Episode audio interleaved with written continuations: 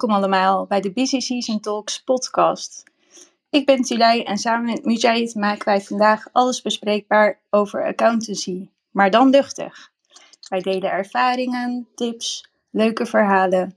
We blikken terug en kijken ook vooral vooruit. Met studenten, accountants, bestuurders, toezichthouders, eigenlijk iedereen met interesse. Vandaag gaan we het hebben over de CSRD, die over welgeteld acht maanden van toepassing is op grote OOB's. Gevolgd door alle grote ondernemingen een jaar later. Accountants zullen een sleutelrol uh, spelen bij het verstrekken van assurance, maar ook bij de verificatie van deze openbaarmakingen. Evenals het adviseren van hun klanten over hoe zij hun ESG-prestaties en strategie kunnen verbeteren. Ondernemingen leggen straks verantwoording af in een andere wereld. Hoe zit het eigenlijk nu al met die grote verwachtingskloof? En wordt die alleen nog maar groter of kunnen we die beperken? Ja, een zeer boeiend onderwerp en hele relevante vragen, Tulay, die we vandaag bespreekbaar willen maken met onze gasten. Hiervoor hebben we geweldige gasten in de sessie vandaag en om mij de eer om hen te introduceren. Ik begin met uh, Barbara Major, want uh, ladies first. Barbara is specialist accountancy toezicht bij de AFM en hoogleraar accountancy aan Nijrode. Voor de, voor de studenten onder ons is uh, Barbara de welbekende auteur van de blauwe en gele boekjes Auditing and Assurance. Welkom Barbara. Dankjewel. Onze tweede gast voor vanavond is uh, Peter Schimmel. Peter is zelfstandig eigenaar van deskundigonderzoek.nl en docent bij diverse instellingen zoals de SRA en Frankfurt School of Finance and Management. Welkom Peter. Dank je. Daarnaast is Mark Schweppe van de partij. Um, hij heeft voor ons de wekelijkse uh, nieuwsrubriek en hij is hoofdredacteur van account.nl. Welkom Mark. Dank je. En last but not least, Alex Kaihan. Ook hij is van de partij. Hij gaat vandaag de muzikale inbreng voor ons uh, doen. En uh, ik ben benieuwd. Welkom Alex. wat ga je voor ons zingen? Dankjewel, lieve muzeet. je hebt trouwens wel een pieptoon op de achtergrond, maar heel veel dank. Um, um, ja, het is een nummer van Lennon en McCartney, gecoverd door uh, Joe Cocker. En uh, dan komt hij. What would you do if I sing out of tune? Would you walk up and walk out on me? Lend me your ears and I'll sing you a song. Oh, I'll try not to sing out of key. I get by with a little help from my friends. Oh, I get sustainable with a little help from my friends. Oh, I'm gonna try with a little help from my busy season talks friends. I'm gonna, I'm gonna try. I'm gonna try with a little help from my friend.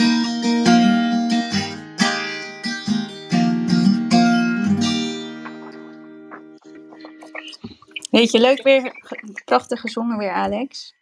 En uh, ja, ik weet dat jij kiest altijd uh, je nummers toepasselijk bij het onderwerp. Dus ik ben ook heel erg benieuwd waarom je dit nummer van Lemon en McCartney voor deze gelegenheid hebt gekozen. Ja, ik, ik denk, uh, uh, ja, de ketenverantwoordelijkheid klinkt zo zwaar en het woord samenwerking of voor CSRD. Maar als je kijkt naar, naar wat je nodig hebt, is het, is het uh, ja, bondgenootschappen om het echt tot een succes te brengen.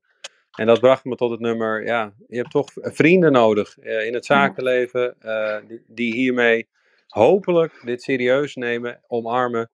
En dat we daadwerkelijk effect gaan hebben samen om de wereld wat mooier te maken. Prachtig. Nou, weer heel mooi gezongen en toepasselijk voor deze gelegenheid. Um, ja, en dan gaan we dan weer vluchtig over naar Mark. Mark, jij hebt weer nieuwtjes, als het goed is, voor ons verzameld. Yes. Uh, van de afgelopen dagen. Zou je die met ons kunnen delen? Zeker. Um, ik heb uh, zoals altijd van accountant.nl even drie, uh, drie berichten eruit gelicht voor het actualiteitenblok aan het begin. Um, en het eerste, dat is uh, eigenlijk verder het best be gelezen bericht van de afgelopen dagen. En dat voelt ook wel een beetje als een soort clickbait bericht. De, oorspronkelijke basis was de Telegraaf. En het gaat over een gevalletje integriteit uh, het gaat over een Belgische ambtenaar die is ontslagen door zijn werkgever. Hij werkte bij een soort Belgische instituut voor de, voor de post. Omdat hij zijn begrip thuiswerken wat had opgerekt naar een workation in Portugal. Hij had wel gevraagd om een weekje te kunnen telewerken aan zijn baas, maar hij had hem niet gemeld dat hij dat vanuit Portugal ging doen. Dus uh, op de dinsdag dat hij het vroeg, toen kreeg hij akkoord en de dag daarna stapte hij in het vliegtuig naar Portugal. Maar helaas zat er in dat vliegtuig naar Porto ook een collega. Um, en die uh, vertelde hij ook nog vrolijk dat hij dit wel vaker deed. Nou, vervolgens maakte de collega daar melding van bij de werkgever. En die begon een tuchtprocedure, wat leidde tot het ontslag van de man wegens ernstig wangedrag. Nou, hij schakelde wel een advocaat in, want hij zei van ja, ik heb in Portugal echt gewerkt. Um, ik, ik klapte in het vliegtuig mijn laptop al open, dat kon die collega ook getuigen. Ik heb daar goed kunnen werken, ik was goed bereikbaar, niks aan de hand. Nou, toch geen succes, want de rechter uh, oordeelde dat de vertrouwensbreuk te groot was. Nou, dat is inderdaad wel een soort integriteitsdingetje. En workation is tegenwoordig wat populairder, met name onder ZZP'ers. Dus toch wel iets om een beetje in de gaten te houden, dit soort ontwikkelingen. Dat is één. Uh, tweede gaat over werkdruk. En nu is niet meteen bij accountants, hoewel we er ook alles van weten, maar dit keer bij de advocatuur. En het pikante daaraan is natuurlijk dat liefst drie op de vier advocaten meer uren maken dan wettelijk is toegestaan. Nou, dat blijkt uit onderzoek van BNR Nieuwsradio. Meer dan 60 uur per week werken, dat mag niet van de arbeidstijdenwet. Maar driekwart van de junior en senior advocaten zegt die norm uh, soms of regelmatig te overschrijden. Een op de vijf advocaten haalt, zelfs wel eens de 80 uur per week. En twee derde werkt structureel meer dan 48 uur per week. En dat is ook wettelijk verboden.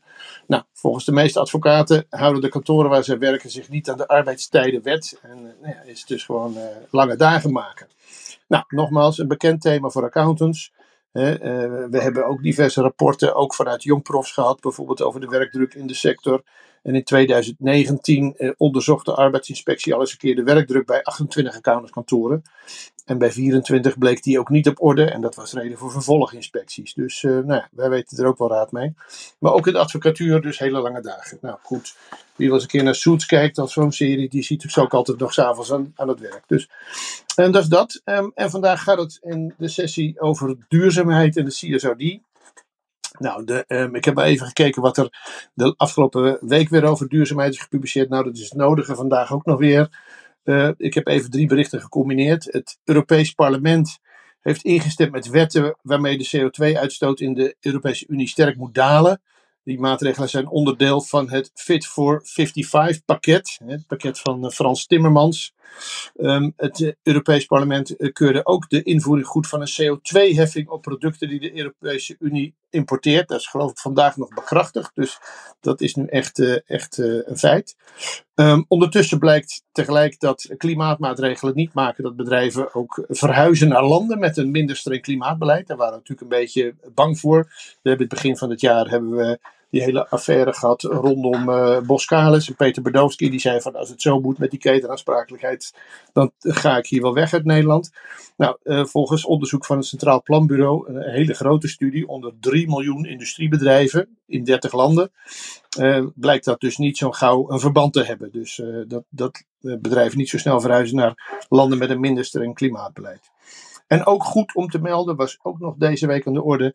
Twaalf grote ondernemingen, eh, Nederlandse ondernemingen, gaan hun uitstoot verlagen om te kunnen voldoen aan de klimaatdoelen van Parijs. En ze willen over zeven jaar hun uitstoot gehalveerd hebben en in 2050 klimaatneutraal zijn. Nou, ik ben heel benieuwd wat dat oplevert.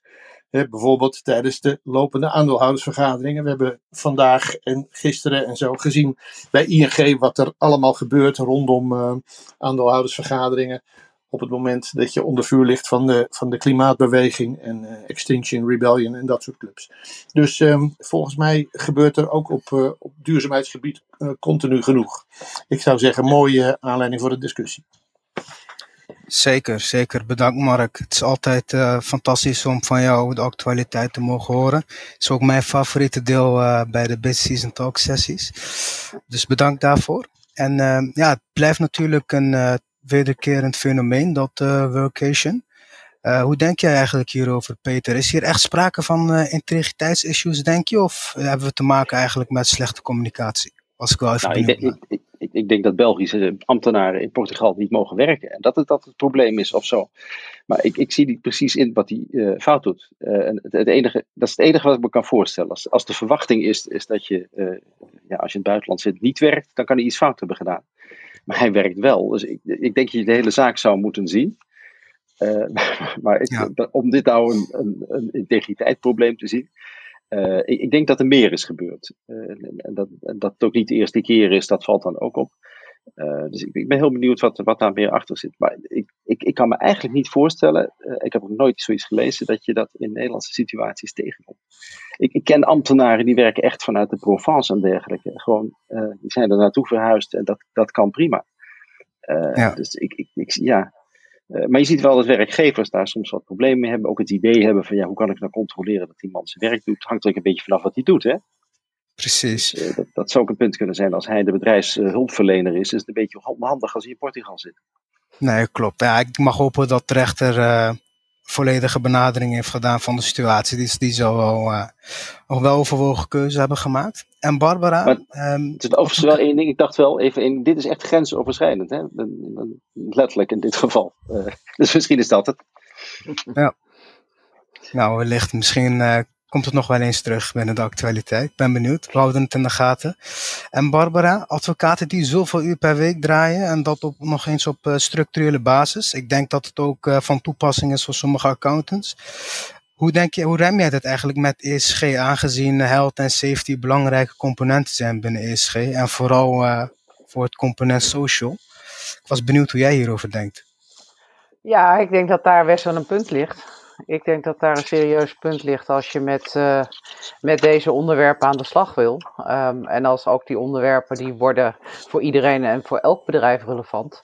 Ik denk dat het dan ehm, een heel relevant onderwerp is om te kijken naar je medewerkers, maar ook gewoon advocaten, partners. Van in welke mate eh, is, die, is die balans eh, eh, privé-werk in, in, eh, op orde?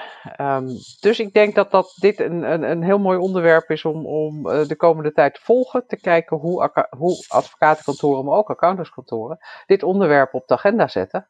En voor zichzelf, zoals in een ESG-context nu ook betaamt, kijken van goh, wat, wat zijn onze KPI's? Hoe willen we dit aanpakken?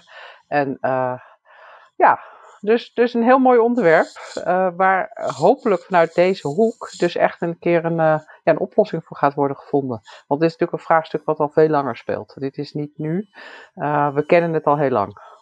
Precies. Nou, ik ben benieuwd hoe, eh, hoe dit zich verder gaat ontwikkelen. Nou, dan hebben we eigenlijk de actualiteiten wel gehad. Bedankt eh, Mark voor eh, de leuke artikelen die je hebt eh, verzameld. Graag gedaan.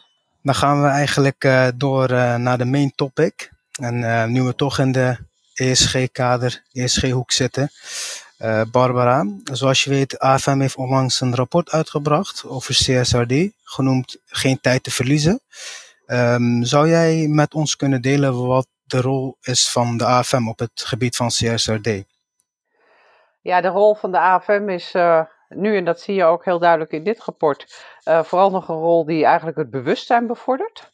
Ehm, dus die eigenlijk met dit rapport aandacht vraagt voor CSRD, aandacht vraagt voor de aanstaande regelgeving en eigenlijk aandacht vraagt van goh, eh, iedereen in de keten, ondernemingen, eh, accountants, eh, toezichthouders, raad van commissarissen, ga, ga ermee aan de slag. Ehm, als je nu bekijkt naar van wat, wat de bevoegdheden zijn van een AFM, dan zitten die nu nog in het toezicht op accountants op, op de wettelijke controle. Uh, maar naar verwachting is, uh, zal dat zich bijvoorbeeld best kunnen gaan uitbreiden. Ook naar uh, de, het bestuursverslag, dus ook naar ESG en dit soort onderwerpen en de naleving van CSRD-richtlijnen. Dus op dit moment is het nog echt gewoon het bewustzijn bevorderen. Um, maar ik verwacht dat er in de toekomst van de AFM nog een veel actievere rol, dat de AFM daar nog een veel actievere rol in gaat nemen. Oké, mooi. Ja, dus eigenlijk dus wel bewustzijn creëren bij accountants en bij ondernemingen. En uh, de, zijn daar nog belangrijke uitdagingen waarvan je denkt van ja, daar moeten echt ondernemingen op gaan letten en accountants die moeten daar ook op gaan letten. Zie je nog uitdagingen daarin? Ja, daar zit tal van heel veel uitdagingen in. Wat jij net al even in je inleiding zei. uh, in, in 24, uh, nog acht maanden, zeg maar, dan, dan komt dus die, uh, die CSRD-regelgeving eraan. Weliswaar voor, in eerste instantie voor de grote OOB's, die daar natuurlijk nu ook al veel te maken hebben. Die natuurlijk nu ook al in hun bestuursverslag op basis van de richtlijn die er nu al is, al vrijwillig informatie verstrekken. Um, en in bepaalde mate daar ook verplicht informatie verstrekken. Dus die ondernemingen zijn het wel een beetje gewend. Uh, maar waar dan eigenlijk de eerste uitdaging ligt, is voor de accountantsberoep die daar limited assurance bij gaat geven. En limited assurance is een heel andere vorm van assurance dan wat je nu bij een bestuursverslag geeft. Nu heeft natuurlijk, dat weet je ook, een accountant kijkt naar het bestuursverslag. Het mag niet strijdig zijn met de jaarrekening. Maar dat is een, een veel lichtere toets dan dat je de limited assurance uh, erbij gaat verstrekken. Dus ik denk dat komend jaar uh, bij de grote OOB's, dus dan heb je het boekjaar 24, dat moet in 25 wordt dat dus allemaal verstrekt. Dat daar de eerste uitdaging ligt bij, bij accountants. Um, dat is wat ook de AFM eigenlijk oproept. Laat die accountants ook vooral transparant zijn in hun, in hun verklaring. Van uh, welke dilemma's zien ze? Wat kunnen ze goed? Uh, waar kunnen ze goed assurance bij verstrekken? Waar zitten er nog de pijnpunten? Um, om, om eigenlijk het vraagstuk wat je ook al tikte van verwachtingskloof, eigenlijk met elkaar te gaan bespreken en bespreekbaar te maken.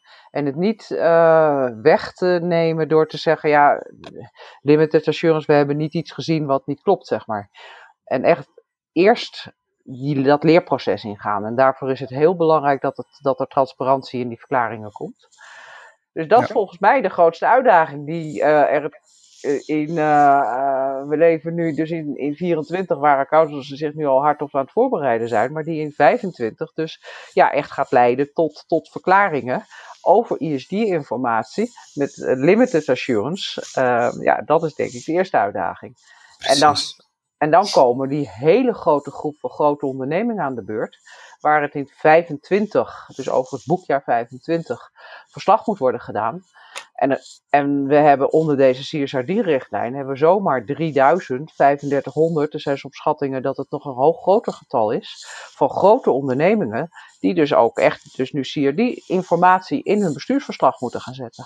Ja. ja. Nee, nee, duidelijk. Mooi, mooie uitdaging. Dan pak ik hem vanaf nu uh, over.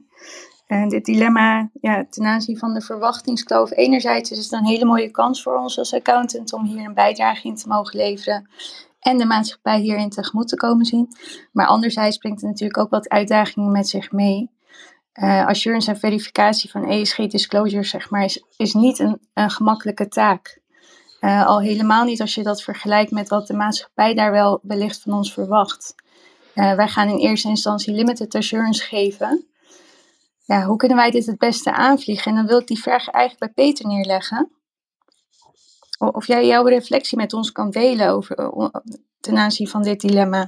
Uh, ik ben natuurlijk een nep-accountant, 33 jaar registeraccountant, nooit een jaarrekening gecontroleerd. Maar ik kom wel veel op de vloer bij accountants, geef les aan accountants. Um, ik, waar, ik, waar ik zo bang voor ben, uh, uh, is eigenlijk dat er een soort uh, geruststelling onder accountants heerst die ik ontmoet van hoe we hoeven nog maar limited assurance te geven. Terwijl ik denk van ja, maar waar ga je dat dan over doen? Want ik ontmoet ook, ook die cliënten. als je kijkt waar ik les geef, ik geef ook les aan de Governance University. Daar is die urgentie die, waar de AFM te oproep, CSRD geen tijd te verliezen, daar is die urgentie nog helemaal niet. Dus waar ga je dan limited assurance over, over geven? Um, want en ik, ik, vond het wel goed, dat meldde uh, Barbara niet, maar ze heeft laatst uh, een prachtig seminar gegeven over nieuwe MAB-nummer. Dat is een mooi stuk in, van Nancy Kamp en Dick de Waard. en daar zie je, ja, limited insurance is niet heel veel minder doen. Het is iets anders doen, maar je hebt natuurlijk wel een controleobject nodig. je hebt criteria nodig. dus er zijn dingen die op dit moment nog veel te weinig ingericht zijn. om, om eigenlijk komend jaar echt aan de slag te gaan dus ik, ik, maak me daar zorgen over. Los of het nou limited is of, of full assurance. Uh, er, is, er is een ander probleem wat eraan vooraf gaat. En als wij alleen maar daarover de discussie aan het voeren zijn, ja, dan creëren we onze eigen uh, verwachtingskloof, denk ik. Uh, ben ik bang. Je moet wel ergens over assurance moet je gaan geven. Ja. dus dat geen tijd verliezen is niet alleen de accountant. Ik denk dat de accountant een enorme rol kan spelen om die klant mee te nemen en die, die klant de urgentie te laten voelen. Maar het gaat niet alleen over die klant.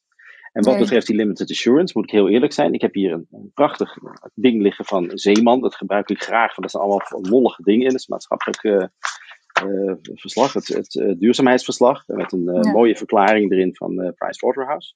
Dat is een limited assurance, dat is een 3810 eh, met limited assurance. En het grappige was, ik, hij- ik had hem laatst laten liggen bij een lezing die ik hield. En mensen zeggen, oh, hij is goedgekeurd door, door PwC. Dat vind ik toch wel knap als ik zie wat er allemaal in staat. Dat waren veel accountants die erbij zijn. En dan denk ik, ja, er is ook zo weinig begrip over wat er nou eigenlijk, wat die verklaring nou inhoudt. En dan denk ik, nou, dan hebben we nog wel een eind te gaan. Ja. Echt een eind te gaan. En heb, Nog heb je los daar van wat het feit waar- weet je, er staan hier dingen in, dan moet je even voorstellen. Dat er gewoon is een prachtige pagina staat erin. Eh, er staat bijvoorbeeld in dat eh, over het percentage steekproeven gedaan in de rapportageperiode zijn er 98% met goed resultaat geweest. Eh, we hebben een ziekteverzuim bereikt van 6,7%. Positief staat er dan. Hè? Ehm, eh, eh, percentage duurzame materialen en kleding ten opzichte van totale consumptie 39%. Ja, is dat goed? Is dat slecht? En wat is dat dan, duurzaam materiaal? Hier zo, eh, percentage duurzame katoen ten opzichte van de katoenconsumptie 59%. Dus één pagina, daar staan al deze dingen op. En dan blader je door en dan zie je opeens Pricewaterhouse staan. En daar staat een, een limited assurance. Waarbij dan? Ehm, ik heb alleen die pagina op een gegeven moment in die zaal opgezet. En dan gaan mensen giechelen. En die gaan ook, ook zal ik een mooi eh, percentage gecorrigeerde grote verbeterpunten Zeeman Social Audit. 100% bereikt in 2021. Ja, hoe lang hebben ze daar dan over gedaan? Wat waren die punten? Dat kan je allemaal niet vinden. Maar toch Nee. zeggen ze, hé, hey, waarom heeft Pricewaterhouse die verklaring dan gegeven? Nou, dit is een voorbeeld, het is een goed voorbeeldend bedrijf, wat, wat veel informatie geeft. Het is best een duidelijke verklaring, vond ik eigenlijk. Eh, en men, mensen hebben geen idee. Dus ja, wat, de, de, de- ik hou mijn hart vast. Ja, dus wat jij eigenlijk zegt, er worden heel veel eh, percentages en toelichtingen gedaan en claims gedaan door, door, door Zeeman. Veel uitgelegd, echt heel veel- veel uitgelegd ook. Hè? Ja. Dus, dus ook wel wat ze bedoelen met, met, met eh, goede katoen en weet ik veel wat. Ja, Maar ehm, het is ja, ik- onduidelijk het- of dat eh, voldoende is gecontroleerd eh, door middel Nou, van je, de assurance. wat je wel ziet is- Hm, wat je ziet, is wat je doel is van de CSRD, is natuurlijk om die bedrijven zodanig transparant te maken. En dat ze zodanig worden aangezet het goede te doen, laten we dat maar zeggen. Dat gebeurt wel. Maar als je sec naar de verklaring kijkt, wat het doet bij dit verhaal, ja, dan vraag ik me af of mensen weten waar het eigenlijk over gaat. En dan komen we toch in die verwachtingskloof. Want ja, juist met de CSRD is het zo dat de ondernemingen gedwongen worden veel transparanter te rapporteren. Dus de informatie die je nu al opnoemt, dat is nog maar een fractie van wat er straks gerapporteerd moet worden. Dus hoe krijgen we die maatschappij dan mee? Zodat we die verklaring, of dat, zodat we de, de kloof kunnen ja, verkleinen. Zo, moeten we dan wat meer werken aan onze verklaring? Of moeten we binnen de keten wat meer samenwerken? Of moeten we eigenlijk onze klant vragen om daar veel duidelijker over te, te schrijven in een jaarverslag? Wat denk jij? Ja, ik denk dat we meer, we moeten aan meer, meer gezamenlijk gaan optrekken. Ik, ik, ik, ik, ik, geef, eh, eh, ik, houd, ik houd natuurlijk veel van fraude en ESG over fraude en dergelijke. Ja. Ja, was de vraag hoe, hoe moeten we daarmee omgaan? Ik zeg, doe eens een keer gezamenlijk, eens een keer een risicoworkshop met je klant.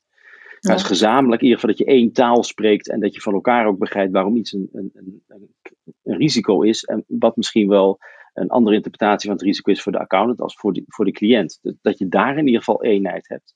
En bijvoorbeeld als je kijkt wat een groot risico is bij ESG, en gezien de thema's, dus het, over, ja, het, het reputatieafbreuk is enorm als er foute dingen zijn. Daar heb je een gezamenlijkheid in als het goed is eh, om, om daar zo goed mogelijk mee om te gaan. En de reputatieschade ontstaat ook gewoon door slechte communicatie.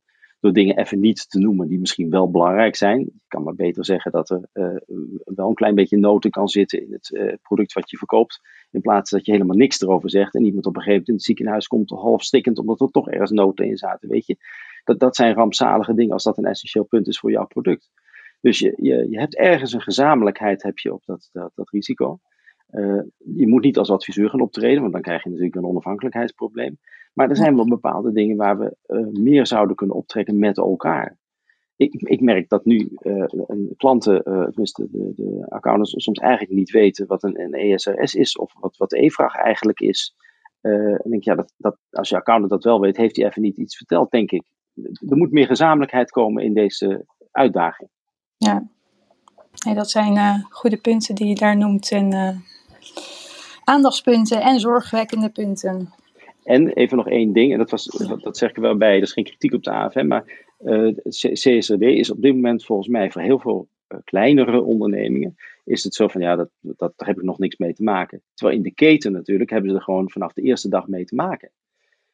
Zij zijn op een gegeven moment het scope 3 bedrijf die ook gegevens moeten kunnen aanleveren aan hun afnemers. Dus upstream, downstream is voor hen essentieel. Het speelt van 1 januari voor alle bedrijven die in principe een rol spelen bij bedrijven die moeten rapporteren. En, en dat is er volgens mij niet. En nu is het idee van ah, 2025, 2026 kom ik aan de beurt. Uh, als jij een toeleverancier bent van Ahold, dan moet jij per 1 januari alle gegevens kunnen aanleveren over jouw producten die uit de keten komen.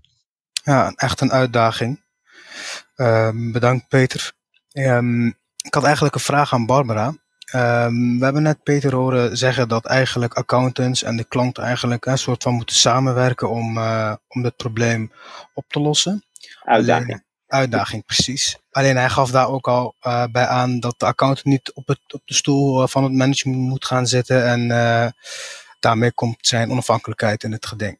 Hoe zie jij eigenlijk deze uitdaging en hoe kunnen we die uitdaging um, verhelpen? Ja, ik, ik, zie, ik zie de uitdaging. Tegelijkertijd wil ik um, ook inderdaad wel even nu, uh, toch ook even nuanceren dat het ontzettend belangrijk is. En dat zie je nu wat er nu gebeurt. Uh, dat accountants ook en ondernemingen. en dat is denk ik wat we vooral ook moeten stimuleren, het lef hebben. Om over dit soort onderwerpen, waar ze uh, nieuwe onderwerpen die ze wellicht nog niet helemaal in hun systemen en in hun proces hebben ingericht, dat, daar, dat ze daar wel transparant over zijn. En dat uh, dat in het bestuursverslag komt, dat ze daar intern mee bezig zijn, dat accountants daar uh, naar kijken en ook daar een, een, een in, die, die limited assurance bij gaan, gaan geven. Ik denk we moeten er ook mee beginnen en we moeten ook dat lef hebben om dat te doen. En het is ontzettend belangrijk dat we met elkaar een, een, een, daarin uh, samenwerken, samen optrekken. Maar dat we daarin ook een lerend, uh, dat we daarin ook een lerend uh, ja, organisatie zogezegd neerzetten. Maar die principes ook wel heel erg omarmen. Want we komen er niet om onmiddellijk te zeggen van het is niet goed gegaan, het is fout, dit is te moeilijk, er zullen wel dingen niet goed zijn be bekeken. Het is ontzettend belangrijk dat we ermee aan de slag gaan. Dat we allemaal daar in die, op die journey gaan, op die reis gaan. Om enerzijds van het bedrijf uit echt te, te omarmen en te kijken van wat en hoe ga ik rapporteren. En het accountantsberoep daarin, wat die daarin volgt. Um, dat brengt mij dus ook op het onderwerp onafhankelijkheid. Als we op dit moment daar te, um, te veel op de kant gaan zitten dat je als accountant um, niet kennis mag delen, want dat dat al je onafhankelijkheid in het geding brengt, dan denk ik dat we een rem zetten op eigenlijk wat we nu zo nodig hebben. Om met elkaar te samen uh, dit, dit pad op te gaan, um, de kennis op te bouwen, de inzicht op te bouwen, maar ook de kennis op te bouwen. Hoe zet je dat goed in je processen? Hoe richt je goed je organisatie in om er goed over te rapporteren? Als we nu te bang zijn als beroep uh, vanuit nou, een soort reflex dat dat niet zou kunnen dan denk ik dat we een heel erg ja, onszelf in de voeten snijden en onszelf een rem toe, uh, opleggen die, die onnodig is. Ik denk, het is iets anders als je zegt, ik ga wel even het hele systeem voor je inrichten, maar een stuk kennis delen, een stuk inzicht met elkaar opbouwen, uh, dat is denk ik toch een rol die je, uh, die je gewoon op kan pakken en die je ook op moet pakken met elkaar. Ja, en dan breng je me meteen bij een punt die ik graag nog even bespreek, want Inderdaad, over acht maanden is het al zo dat de grote OOB's hieraan moeten voldoen. Ja, ze rapporteren daar een jaar later over in hun jaarverslag. Maar als accountant hebben we nu al een belangrijke rol daarin te spelen. En Peter gaf ook al aan, die keten is zozeer belangrijk. Of je nu een kleine ja. onderneming bent en meegenomen wordt. Ook al gaat een grote organisatie in eerste instantie daar nog een schatting over maken. Nou, daar moeten we natuurlijk ook iets van vinden. Uh, vergelijkbaar met de schattingen waar we nu ook al uh, ja, werkzaamheden op doen.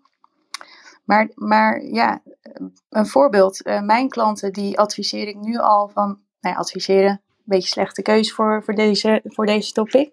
Maar wij kijken nu al mee met die double materiality assessment, om maar een voorbeeld te noemen. Ja. Of hebben ze een transitieplan liggen? nou, dat, dan, dan zie ik dat nu al voor me. Dat is best spannend, want zo'n organisatie die heeft dat dan liggen. Nou, daar kijk ik dan naar. Stel dat ik het daar niet mee eens ben, dan ja.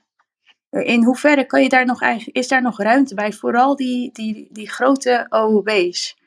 Want je wilt Nou ja, ik natuurlijk. denk dat, je, dat, maar- ik, eh, dat ik dat aangeef. Ik denk dat je juist daarin nu eh, dat klankbord moet zijn. En die Ja. kennis moet delen. Zonder dat je het overneemt. Nee. En ik denk de spiegel voorhouden, het klankbord geven, de kennis delen. De kritische vragen stellen.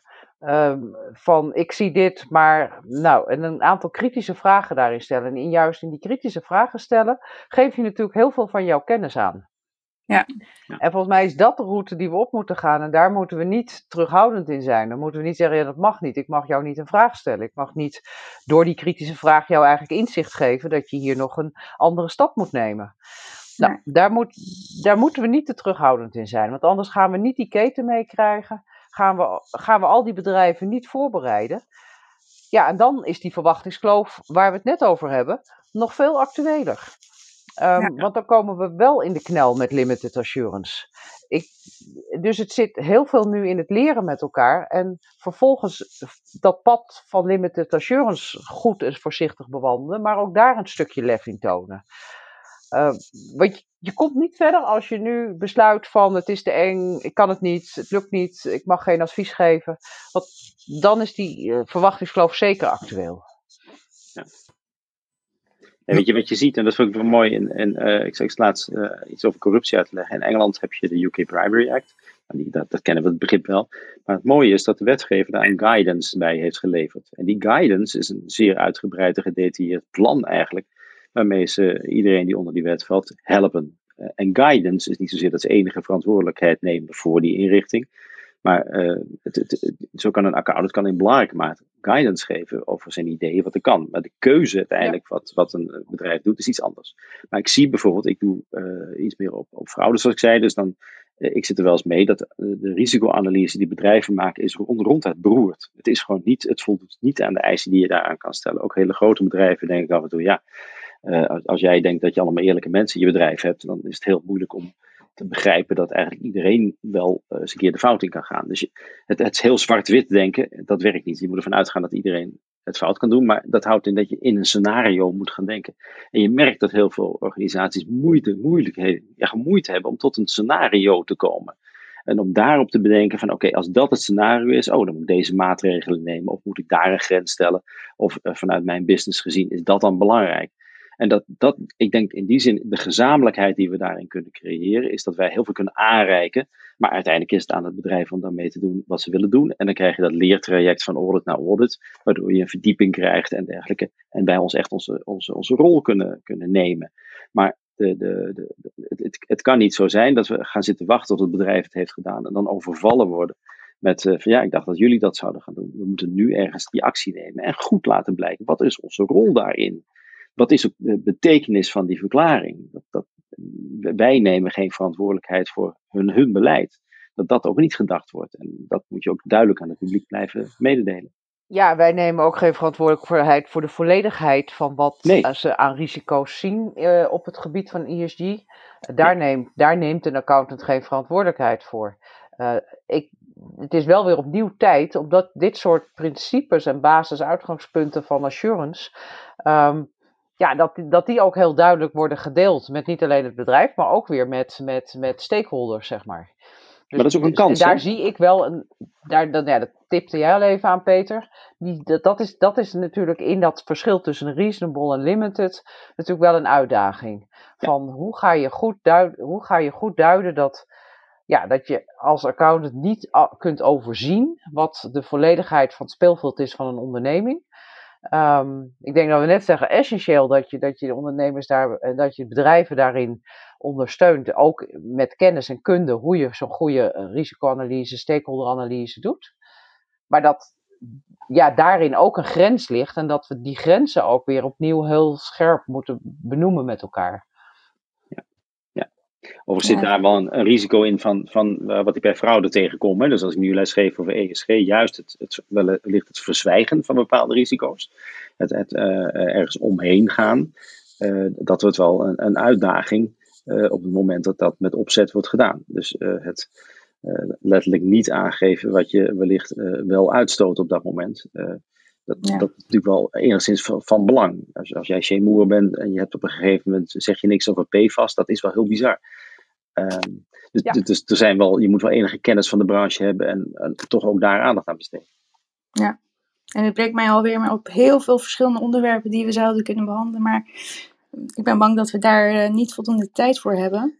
Uh, Peter, goed dat jij ook aangeeft van de UK en, en dat er ook guidance is. En dat is denk ik ook gelijk het ja, een van de uitdagingen waar wij mee te maken hebben, de guidance is er vaak niet. En Barbara had het al over, nou ja, die bijvoorbeeld stakeholders. zeer belangrijk vanuit ons perspectief.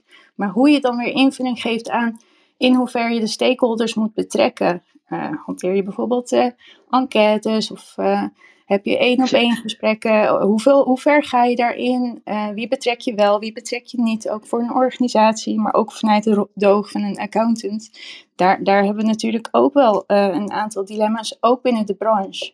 Ja. Stel dat er zoveel verschillende uitgangspunten zijn tussen de verschillende accountskantoren over het geven van, nou ja, dat je ook op opinie kan shoppen. Dat zijn best wel uitdagingen en, en dilemma's waar we mee te maken kunnen krijgen. En, en, waar we vanuit de branche wellicht ook wat meer uh, met de MBA moeten optrekken. Van, ja, waar, wat, wat is onze rol hierin? En hoe trekken we daarin eh, ook een gezamenlijke boodschap uit of dragen we dat uit naar het maatschappelijk verkeer? Maar goed. En greenwashing hoorde ik al uh, een beetje nou, greenwashing was het eigenlijk meer. nou, dat mag ook.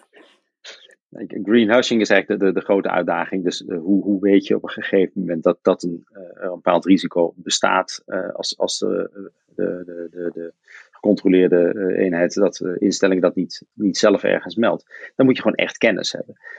En dat, dat is natuurlijk hetgene waar je, wat ik het risico, meest risicovol vind. Greenwashing heb je natuurlijk twee vormen van het, het, het positief verklaren dat je iets doet, of juist zeggen ik doe iets niet. Dus de dolfijnvrije tonijn of zo die jij hebt in jouw bedrijf. Dat, dat zijn claims die zijn, zoals ze kwantitatief zijn, denk ik, daar kunnen we, nog meer uit, uit de voeten komen. Ik denk dat het problematisch wordt op het moment dat de textielboer gaat verklaren, ja, daar hebben geen kinderhandjes aan gezeten. Uh, ja, hoe ga je dat constateren? Dat laat geen fysieke sporen achter, je bent er niet bij geweest. kan je dat soort claims überhaupt wel, ja, kan, kan je die controleren? Zeeman bijvoorbeeld best interessant als je kijkt, die hebben sterreclames. Je even voorstellen dat een t-shirt van Zeeman 3,49 kost. Hè. 3,49 euro. Um, in hun eigen verslag vergelijken ze dat met een t-shirt van 24 zoveel van de concurrent. Uh, en leggen dan uit dat zij een beter t-shirt maken. En dat bij hun in ieder geval je ervan uit kan gaan dat de mensen die dat maken een goed loon hebben. Ja, hoe ga je dat vaststellen? Uh, wat, wat, is leefbaarheid? Daar heb je natuurlijk NGO's voor die dat zeggen en dergelijke. Maar daar, daar loop ik wel tegenaan. En die, uh, dat, dat greenwashing effect, dat zal ook wel door de Bart Mossen van deze wereld worden aangepakt, neem ik aan. Uh, de media die daar veel dieper in gaan. Maar ik ben bang dat wij snel de short zijn als wij een handtekening hebben onder een dergelijke claim. Uh, want dan kijkt men naar die accountant, dan hebben wij het wellicht gedaan. dus ik, ik, denk dat het een gezamenlijk probleem is van ons en het bedrijf. Het is de reputatie van het bedrijf, maar het is ook onze reputatie die op dat moment gedingd. En je hebt het niet meer gewoon over iets financieels. Nee, je hebt er vooral 80 factoren bij sommige bedrijven. Dus dat is echt een uitdaging. Vandaar, daarom kwam ik helemaal in het begin. Uh, er zijn een paar dingen die we echt moeten doen. Die gezamenlijke risicoanalyse is voor, ook van belang om voor ons als accountant goed te begrijpen. Wat ziet het bedrijf nou als die uh, uitdaging? Wat zien wij? Uh, en waarom zit er een gat tussen bijvoorbeeld? Dan kom je achter dit soort dingen. hoe ze er tegenaan kijken. Dat is dus bijna een onderdeel van je, je ja, gewoon je gegevensverkrijging, de informatie die je moet hebben. Wij moeten ons bezig gaan houden met wat voor contracten ze met afnemers en, en toeleveranciers hebben. Staan daar auditclausules in? Als in de keten zo belangrijk is wat er aan de hand is. Kan ik straffeloos een contract ontbinden als een leverancier gelogen heeft tegen mij? Net zoals we dat doen bij corruptie. Eisen stellen dus aan de operationele organisatie en de kennis van hebben dat het nu een eis is. Niet over een jaar, want dan is het contract in, in plaats. Vandaag is dat een probleem voor de accountant die nu een interim doet. Bij al zijn klanten. Dat soort dingen, dat zie ik nergens op dit moment. We hebben, we hebben het wel over allerlei dingen. Maar we, we, we, doen er heel weinig aan, denk ik, als branche, om daar goed over na te denken. Operationele maatregelen nu nemen. Ja, precies.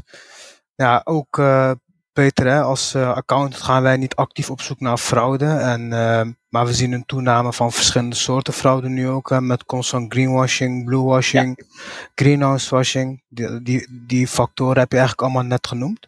Ehm, en wat is onze rol eigenlijk hierin, Barbara? Moeten we onszelf trainen? Moeten we vanuit de, uh, vanuit de hogescholen, universiteiten hier bepaalde cursussen van volgen? Of denk je dat we eigenlijk al in staat zijn om deze problemen te tackelen in onze dagelijkse werkzaamheden? Ja, dat is een beetje. Nee, ik denk dat. Uh, ik, ik denk dat er echt uh, een behoorlijke aanvulling nodig is in de training van accountants. Ik denk dat het nog niet zo heel erg ligt op het, op het uh, inhoudelijke stuk. Um, we weten al, hoewel dat best een hele stapel aan nieuwe uh, regelgeving is. Hè, dat, dat, uh, dat was ook het onderwerp wat Mark van net even pakte. Die riep van de Europese Commissie heeft zich nu ook beseft dat het veel te veel wordt. En die, die, die streeft ook naar 30% reductie in het aantal onderliggende standaarden. Wat ik ook echt heel erg goed, heel erg ondersteun dat, dat voorstel. Um, maar ik denk dat de cursussen, en die zitten, zijn we ook bij Nijenrode volop aan het ontwikkelen, ook vooral zitten in de punten die Peter ook wel raakt. Hoe kijk je op een goede manier naar zo'n claim wat een bedrijf in, een, in zo'n bestuursverslag zet? Zeg maar, dat, dat ze een, een claim doen over um, of ze al dan niet kinderarbeid hebben gebruikt bij productie van artikelen, of ze al dan niet een CO2-footprint hebben gehad. Hoe kijk je goed naar dat soort claims? Om te, om, om, en hoe stel je de goede vragen om en waar let je op om, om dat soort uh, claims te kunnen beoordelen of dat waar is of niet waar is? Dat vraagt hele andere gereedschappen. Ik bedoel, daar ga je niet met een verbandscontrole uitkomen. Uh, daar ga je niet uitkomen met facturen uh, controleren. Uh, daar ga je uitkomen door natuurlijk de goede, de, de, goede vragen in de keten te stellen, de goede punten te raken. En dat vraagt andere vaardigheden. En daar zetten we eigenlijk volop op in, in die, in die opleiding. Ja, maar ehm, Barbara, ja. hebben, we dan, hebben we dan eigenlijk niet te maken momenteel, hè, op dit moment ook met een prestatiekloof? Want we hebben net gehad over de verwachtingskloof en we hebben over de uitdagingen gehad met betrekking tot greenwashing en bluewashing.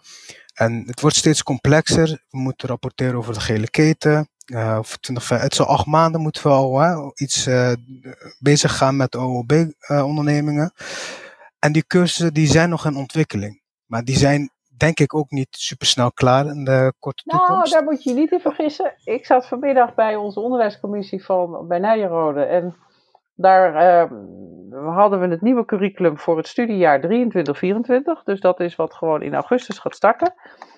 Waar we in alle vakken dit, dit, dit onderwerp van uh, de informa information systems tot aan de verslaggeving, tot aan de assurance uh, meenemen. En waar het in zit. Dus je moet je niet vergissen dat dat snel gaat. Ja. Tegelijkertijd, ja, iedereen moet natuurlijk wel die vakken gaan volgen. Uh, er zit natuurlijk wel een leertijd in. Dus Precies. Jouw, jouw opmerking van ligt een prestatiekloof, moeten we daar heel alert op zijn. Ja, daar, daar, daar denk ik van ja, daar heb je een punt. Um, en dat, want je hebt niet zomaar die leercurve te pakken. Ik wil, je, je, je start als accountant, dat weet je ook, een training van acht jaar op een universiteit uh, bij Nijenrode. Of, of als je een andere opleiding volgt, uh, direct naar je, naar je uh, masterstudie economie of zo, dan ben je toch ook nog wel twee, drie, vier jaar bezig. Dat, je zit in de praktijk, ben je vier jaar, vijf jaar aan het werken. En dit is een nieuw terrein, dus je hebt een leercurve nodig. Ja. Dus met je prestatiekloof heb je een punt. Uh, ik denk dat, we, dat, je, ja, dat het dus ook gewoon volop vraagt om er gewoon in te stappen en, en te kijken hoe, uh, in welke mate je dus inderdaad die snelle leercurve door kunt maken. Maar daarnaast, denk ik, is het essentieel, en dat zie je heel veel kantoren nu ook doen, om ook echt een samenwerking te zoeken met, uh, met specialisten op dit gebied. Dus volgens mij moeten we dit niet alleen willen doen. Als, je moet niet als accountant zeggen, nou, dit ga ik helemaal alleen uh, doen. Ja. Moeten we die kennis moeten we gaan, gaan bijhalen? Ja, nee, eens snap ik. Ik denk ook dat, hè, dat er inderdaad een leercurve gaat ook ontstaan bij de accountants. We gaan er uh, met de tijd vanzelf ook beter in worden. We hebben ook een groei laten zien met de normale financiële audit. Um, het, dat gaat ook steeds beter. Audit quality uh, neemt steeds verder toe. Mag, mogen wij dan ook van de maatschappij verwachten dat we eigenlijk uh, ja, de tijd hiervoor gaan krijgen? En dat, dat er niet al te hoge verwachtingen zijn. Of, uh, ik hoop, het. ik hoop echt dat de maatschappij ons dat gunt. En ik denk dat, uh, dat een regulator zich daar ook heel bewust van is. Dat we die leercurve hebben. En dat is ook eigenlijk het punt wat de AFM maakt. Accountants, wees daar transparant over. Wees er duidelijk over. Wees er transparant over wat je wel kunt zien, wat je niet kunt zien. Maak die dilemma's en die keuze helder. En ik hoop dat de maatschappij um, ook die, die leercurve, ja, dat dat wel wordt gegund, zeg maar. Um, ja. Ja, en dat kunnen we ook niet in de glazen bol kijken. Dus het is ook een kwestie van ja, hopen dat er, ook, dat er ook, en daar hadden we het net al even over, integriteit van bedrijven. Dat er niet een bedrijf daar bewust uh, gebruik van gaat maken, greenwashing opzoekt. Ja, dat is ook wat, wat je natuurlijk niet wil en hoop dat dat gaat gebeuren. Ja, nee, eens, eens. Um, hoe sta jij eigenlijk uh, in dit verhaal, Peter? Uh, ben je het met me eens? Denk je dat we um, op dit moment nog wel te maken hebben met een prestatiekloof en dat we eigenlijk uh, vanuit de maatschappij nog ruimte moeten krijgen om onszelf uh, te ontwikkelen en te leren, zodat we niet gelijk aan de hoogste boom hangen als er, als er wat fout gaat met betrekking tot greenwashing? Ja, ik denk, ik denk dat het, als het gebeurt, heb je, heb je, heb je gewoon de media en alles tegen. Dat, dat, dat krijg je moeilijk verkocht. Um, ik vind het ook mooi dat, dat ik haalde net Nancy Kamp en Co aan, die hebben het over ook een, communicatiekloof. Wij zijn nooit goed geweest om goed uit te leggen wat onze rol nou precies is.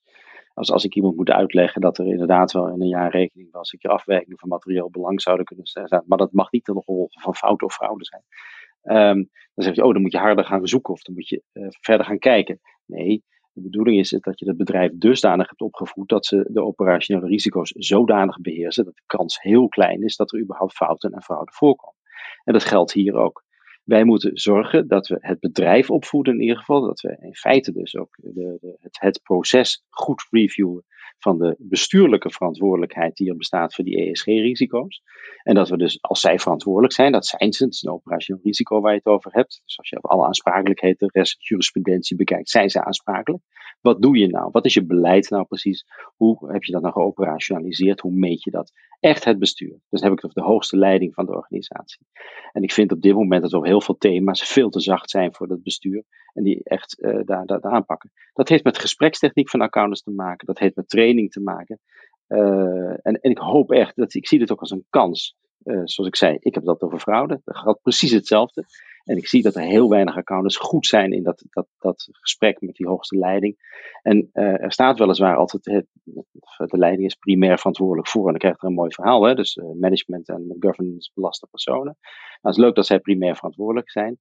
Toetsen wij nou echt of zij hun verantwoordelijkheid nemen? Uh, kunnen, ze, kunnen wij ervan uitgaan, als zij op een gegeven moment voor die rechtbank staan om zijn aansprakelijkheid te verdedigen, dat ze dat kunnen uitleggen. En als ze het daar zouden moeten kunnen uitleggen, moeten ze het ook aan ons kunnen uitleggen. En kunnen wij het toetsen. En dat stuk ontbreekt op dit moment. Daar lees ik ook weinig over bij ja. ESG.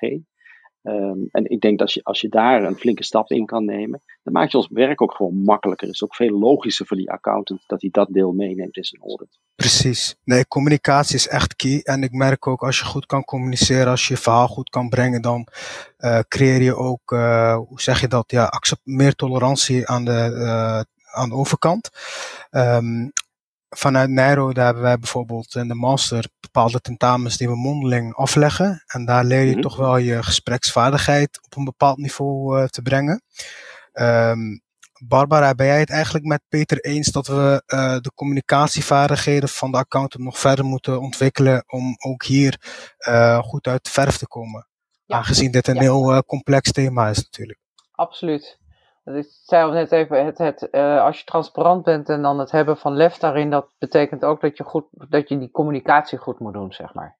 En dat is niet alleen de, dat is de communicatie naar, het, naar, de, naar de leiding, naar het bestuur toe. Daar echt je punt goed, goed kunnen maken en goed communicatie opzoeken. Maar natuurlijk ook met, je, met, met, met stakeholders en, en uh, ja. die, die buiten de onderneming staan. Dus absoluut eens dat die communicatie essentieel is.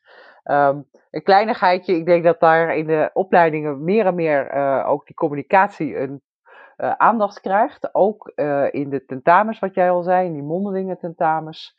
Ehm, ja, dat, dat, dat wordt ook meer en meer eigenlijk het, de, de, de manier waarop je met elkaar die, die ja, toetst of je die stof beheerst, of je, of je die communicatie hebt, of je die vaardigheden hebt naar nou ja, de, de, de, de bestuur toe, maar ook naar, naar de andere stakeholders toe. Ja. Ehm, essentieel. Ja, er- komt eigenlijk steeds meer bij, hè? Dus dan we moeten eigenlijk inhoudelijk eh, dingen eh, gaan leren over CSRD, externe verslaggeving, auditing. Ehm, we moeten ook al dingen kunnen roepen over het milieu, et cetera. Dus het wordt steeds zwaarder en zwaarder. En ehm, ik vraag me af, gaan we dan op een gegeven moment een soort superhelden worden als accountants? Dat Nou, we dat, eh, alles kunnen? ja, dat, dat, dat, zou best wel eens mooi zijn, hè? Ik, Ja. maar goed, er is nu natuurlijk een commissie in het leven geroepen, eh, die daar natuurlijk aandacht aan gaat geven. Precies. Ehm, want dat is natuurlijk ook in het hele, het hele rapport Stip op de Horizon. eh, de commissie die er nu, nu natuurlijk naar aanleiding van de kwartiermakers ook weer is benoemd.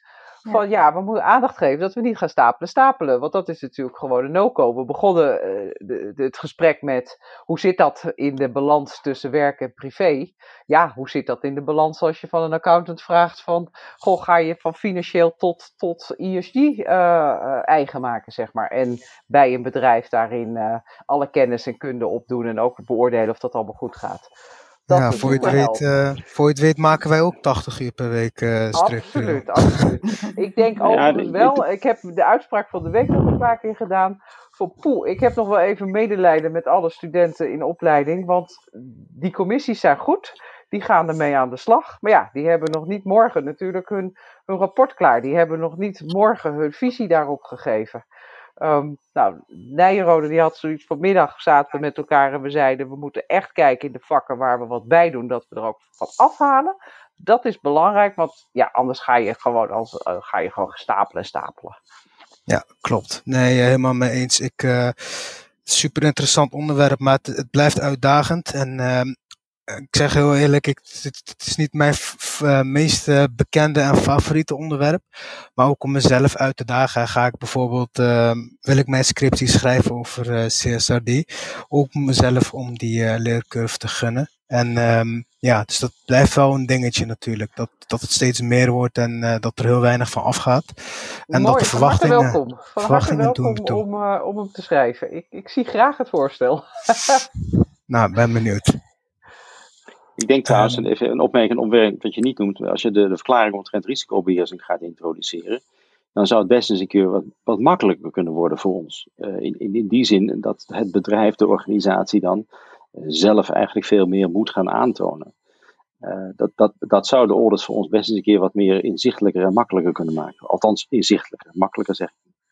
Ja. Dus, dus in die zin leggen we dan ook meer werkzaamheden terug waar het eigenlijk hoort.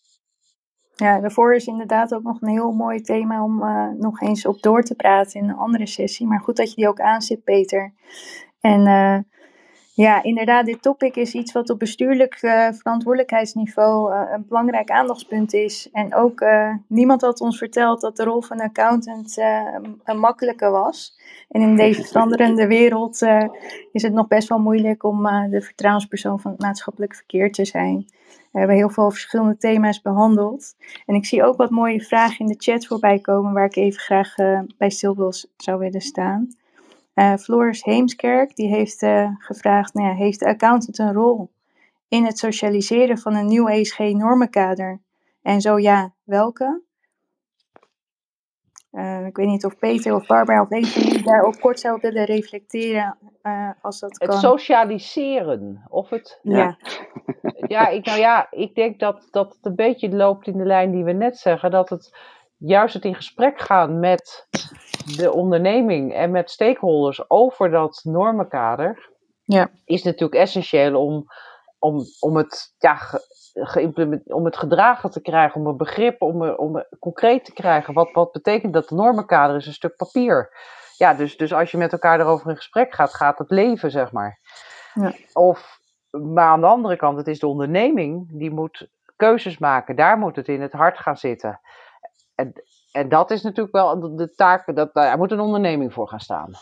Nee. Ja, we, hebben wel, we hebben wel een rol, denk ik, een soort normoverdragend gesprek wat je zou kunnen hebben. Eh, ik, zou, ik zou het bijna het, het accountantsrapport willen noemen met alle bevindingen. Ehm, maar op dit moment denk ik dat de norm op zich nog niet altijd helemaal duidelijk is. Eh, en dat maakt het ook heel moeilijk voor ons. Ja. Nee, Dus zo is dat. Wat, wat je gaat socialiseren moet wel eerst ook bestaan op een of andere manier. Ja, voordat we daar iets eh, van kunnen vinden. Ja. Hij heeft ook nog een tweede vraag. En die gaat op, eh, in op, eh, mag hij best practices, nou, mag hij of zij natuurlijk, best practices delen die hij in de bedrijfstak ziet. En het Ja, raakt natuurlijk ook, ja, graag denk ik, ook binnen Ja. de, ke- de keten om daar met z'n allen van te leren. Ja, Dus bij deze de uitnodiging, Floris. Koos Vos, die heeft een vraag. Nou, wat is het effect op vrijwillige toepassing bij organisaties in de publieke sector? Eh, nou ja, met betrekking tot de S en de G van ESG moeten wij onder andere faceren. Dat is ook best een technische vraag. Ja, Nou ja, ik denk, dat, dat de publieke sector is niet direct nu in die regelgeving betrokken, Nee. maar ik denk dat vrijwillige toepassing enorm eh, belangrijk is om daarin natuurlijk ook een, ja, de, de, een- te stimuleren. Ik denk dat dat ook primair in die sector gaat spelen. Ik denk ook wel dat het in die sector een, een, een topic is. En ja, dan is vrijwillige assurance natuurlijk ook een prima eh, rol om op te pakken. Ik denk het wel. Kijk, eh, de workation waar we mee begonnen vandaag is natuurlijk een typisch voorbeeld van de publieke sector, waar kennelijk integriteit, dus de S, een grote rol speelt. Eh, wellicht ook de G. Dus het zou best kunnen zijn dat het op die manier al aan de orde komt. Nee, eens. En ook eh, vanuit de organisatie en de voorbeeldfunctie die zij hebben. Ja, des te beter als ze dit ook vrijwillig gaan toepassen. En Usha Ganga die heeft een vraag. Hoe kijken jullie naar de wijze waarop duurzaamheid ook de reguliere jaarrekening nu al significant kan beïnvloeden? Ja, Dat zit erin. Als je die risico's nu natuurlijk onder ogen ziet, kan dat natuurlijk iets betekenen voor. eh, ja, dat heeft, kan natuurlijk financiële consequenties hebben. Ja. Als je natuurlijk je CO2-footprint wil, wil verminderen, als je bepaalde maatregelen wil nemen, wellicht in bepaalde gevallen moet nemen, ja, Ja. dan heeft dat natuurlijk ook gewoon effect op de pure financials. Ja. Ehm, dan zie je dat terug in kosten. Je kan het terugzien in voorzieningen die je moet treffen voor iets, in afwaarderingen van, van eh, van bedrijfsmiddelen, van assets. Ja.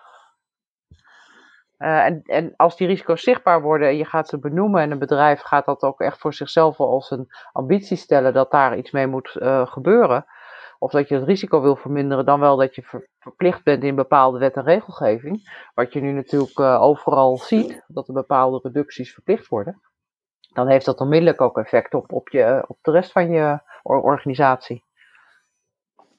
Bijna, bijna alles Dus is wel te vertalen in financiën. ook, ja, ja. Ja, Ja, zeker. Nee, spannende tijden. Mooie aanvulling. Nou, dan hebben we nog wat, eh, maar we lopen ook al flink tegen het eind van de tijd. Eh, ik behandel nog even één vraag van Nora Yildiz. Skills zijn heel belangrijk, maar ik denk dat het ook belangrijk is dat de executives op auditteams hun ervaringen delen eh, om perspectieven te bieden voor accounts in opleiding. Waarbij, waarom die skills nou zo belangrijk zijn. Denk met name aan wat er gebeurt in de boardrooms. Dus eigenlijk meer vanuit eh, ja, de heel ervaren. En dit, dit, dit is niet, denk niet alleen voor ESG, maar voor alle aspecten vanuit de wettelijke controles ook. Eh, dat we leren van heel ervaren me- mensen binnen de organisatie. En dat dat eh, learning on the job. Ja, ik denk, ik denk weet je, het mooiste zou zijn als het MBA gewoon een mooie repository site zou hebben, waar je elke maand ongeveer een verkiezing krijgt van de best practice of de maand die iemand gedeeld heeft. Eh, maar dat, dat er eh, juist een soort, soort eh, ja, accelerator moet komen om, om juist dit te gaan delen. Wat, wat zijn nou eigenlijk de tips en tricks? Hoe maak je het makkelijker ook voor de mensen die nog niet zo ervaren zijn? Welk hulpmiddel helpt daar enorm bij om een bepaald iets te kunnen ja, te doen, te scoren of, of wat dan ook? Dat, dat je iets, iets accelereert rond dit, dit thema. Met name de gezamenlijkheid gaat gebruiken en het delen van. We hebben zoveel kantoren. En we hebben het vooral vaak over Big Four of Big Six, of, eh, die niet met OLB's bezig is. Maar het is een probleem wat sectorbreed is. En we hebben allemaal dezelfde vragen. En we, hebben, eh, we zitten allemaal het wiel uit te vinden binnen de kantoren. Dan denk je, ja, daar kan toch daar kan een versnelling in komen. En we hebben een versnelling nodig. Want we zitten echt heel snel met onze klanten hier heel serieuze gesprekken over te voeren. Klopt. Nee, eens eh, Peter. Ik denk ook dat dat eh, het werkplezier zal vergroten en het beroep ook eh, meer aantrekkelijk zal maken als, als gewoon die best practices worden gedeeld binnen het team, binnen het kantoor. Dat is ten gunste van iedereen, denk ik. En, ja, binnen de als- sector. En dan kan je Ja, ook laten zeker. zien aan, aan de buitenwereld hoe serieus je ermee bezig bent, wat je uitdagingen zijn. Help bij die communicatiekloof, help bij die prestatiekloof, helpt bij die verwachtingskloof. Dus je, je, je gaat veel meer publiek maken van wat is onze uitdaging, waar zijn we met z'n allen mee bezig. En je betrekt ook gewoon letterlijk de werkvloer erbij om naar buiten te treden, om te laten zien wat we kunnen en wat we in huis hebben. Ja, zeker. zeker. Ja, het moet eigenlijk bespreekbaar gemaakt worden onder, binnen de teams. En uh, ik nodig iedereen uit om dat uh, vooral te doen. Ja. Um, als ik nu even naar de tijd kijk. De tijd is gevlogen. Het was een super interessante sessie. Het is uh, alweer negen uur. Ik denk um, dat we hem kunnen finaliseren en dat we kunnen afronden. Um, bedankt voor jullie aanwezigheid, Peter en Barbara. Ik heb veel geleerd en, veel, en heel veel genoten van de sessie. Bedankt Tulay ook voor de support. En, Jij ook, uh, Ja, en ik, heb maar, ik vond het ook een leuke sessie. En ook dank voor jullie goede vragen. Ja, nou, mooi. Leuk om dank voor, uh, nou, volgens mij uh, mooi, mooi, mooi gesprek kunnen voeren. Ja, ja super fijn. Jij ook.